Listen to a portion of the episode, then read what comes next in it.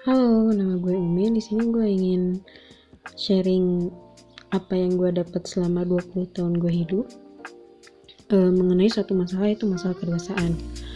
Um, berbicara masalah kedewasaan, sebenarnya gue juga belum merasa terlalu dewasa banget karena masih banyak sifat kekanak-kanakan yang ada pada diri gue yang berumur kepala dua ini. Tapi di sini gue ingin sharing pengalaman atau bahkan beberapa hal yang gue dapat selama 20 tahun gue hidup tentang arti kedewasaan. Oke, kedewasaan. Berasal dari kata dewasa yang artinya kalau menurut KBBI adalah pada saat usia mencapai, mencapai akil baliknya. Dewasa juga berarti telah matang secara biologis maupun psikis. Selain dari perspektif diri sendiri mengenai kematangan secara biologis dan psikis, kedewasaan juga dapat diperoleh dari penilaian orang lain terhadap diri kita seperti apa, dan juga dapat memilah-milih mana yang baik dan yang buruk. Nah, gue banyak menemukan di sekitar gue beberapa orang yang bahkan lebih dewasa attitude-nya daripada umurnya, ataupun yang umurnya sudah seharusnya bersikap dewasa namun masih kekanak-kanakan. Menjadi dewasa pun tidaklah mudah, dan juga pasti menjadi dewasa itu tanggung jawabnya akan semakin besar. Ada masa-masa transisi di mana di masa itu kita merasakan semua hal layaknya senang, sedih, kecewa, dan sebagainya. Kedewasaan akan terbentuk ketika kita selalu berusaha memperjuangkan apa yang kita impikan, termasuk mengikhlaskan apa yang kita nggak bisa raih dengan lapang dada. Hal yang terpenting itu sebenarnya cuma satu, harus selalu mau, harus selalu mau belajar. Baik itu belajar dari buku, pengalaman, atau bahkan dari sekitar kita kalau dari kasus gue gue selalu berusaha belajar dari orang-orang sekitar gue untuk membentuk diri gue yang menjadi lebih dewasa gue juga masih belajar untuk mencoba melihat segala permasalahan dari berbagai sisi agar bisa mempertimbangkan dan tidak menjudge masalah orang gitu aja. Karena selalu ada alasan mengapa seseorang bersikap berubah atau melakukan sesuatu.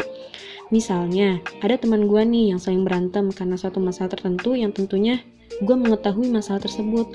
Nah, langkah yang gue lakukan adalah mencoba untuk menelaah alasan-alasan yang logis mengapa dia melakukan ini, kenapa dia melakukan itu, kenapa dia malah balas ini, dan semacamnya. Sehingga gue bisa belajar membedakan mana yang benar, mana yang salah, dan mencoba untuk memberi saran yang netral yang tentunya tidak memihak siapa pun. Selain dari itu, eh, Kedewasaan diri gue juga diperoleh dari satu masalah yang pasti terjadi pada kalian, yaitu masalah hati. Ya kalau udah nyangkut hati, siapa yang bisa nolak gitu kan? Terkadang hati selalu tidak mau diajak kompromi dengan otak. Namun setelah tahun lalu hubungan gue dengan ya seseorang telah berakhir, gue juga jadi belajar dari sana bahwa masih banyak hal yang harus gue prioritasin selain urusan hati. Gue juga mencoba mikirin hal yang bikin sedikit terhibur kayak ya ilah Selena Gomez aja ditinggalin Justin Bieber yang ganteng aja bisa stand up. Masa gue aja gara-gara cowok yang kayak gitu lemah gitu kan. Ya galau-galau mah wajar lah ya, tapi jangan kelamaan juga harus bangkit karena hidup masih terus berjalan. Dari masalah itu juga gue belajar tentang menerima diri sendiri yang mungkin pada saat itu masih tidak terima dengan keadaan. Mencoba menerima keadaan yang memang mungkin menurut Allah itu bukan yang terbaik meski kita menganggap itu yang terbaik. Belajar yang namanya perlu mencintai diri sendiri sebelum mencintai orang lain. Cielah.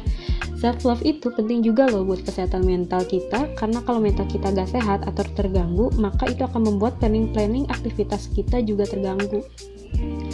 Gue juga belajar kedewasaan dari beberapa film favorit gue yaitu Lion King sama How to Train Your Dragon karena ada beberapa adegan sedih di kedua film tersebut yaitu contohnya kayak uh, kalau di Lion King itu si Mufasa ayahnya Simba meninggal dan juga kalau di How to Train Your Dragon itu ayahnya si Hikap yaitu Stoik juga meninggal. Nah, berarti kan dapat disimpulkan bahwa seorang ayah yang rela mengorbankan nyawa demi menyelamatkan anaknya.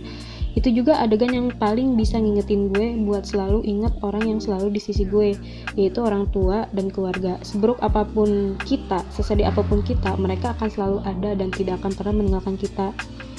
Nah, makanya perlu banget kita mengapresiasi dan menghargai diri sendiri karena sudah bertahan sejauh ini dengan sekuat tenaga meski ada yang jalannya tergopoh-gopoh, ada yang lari sekencang mungkin, ataupun yang nangis gitu kan, atau terlalu sakit sehingga nggak bisa numpain air mata lagi. Tapi yang terpenting itu adalah nggak boleh menyerah. Istirahat boleh, tapi berhenti berusaha jangan ya.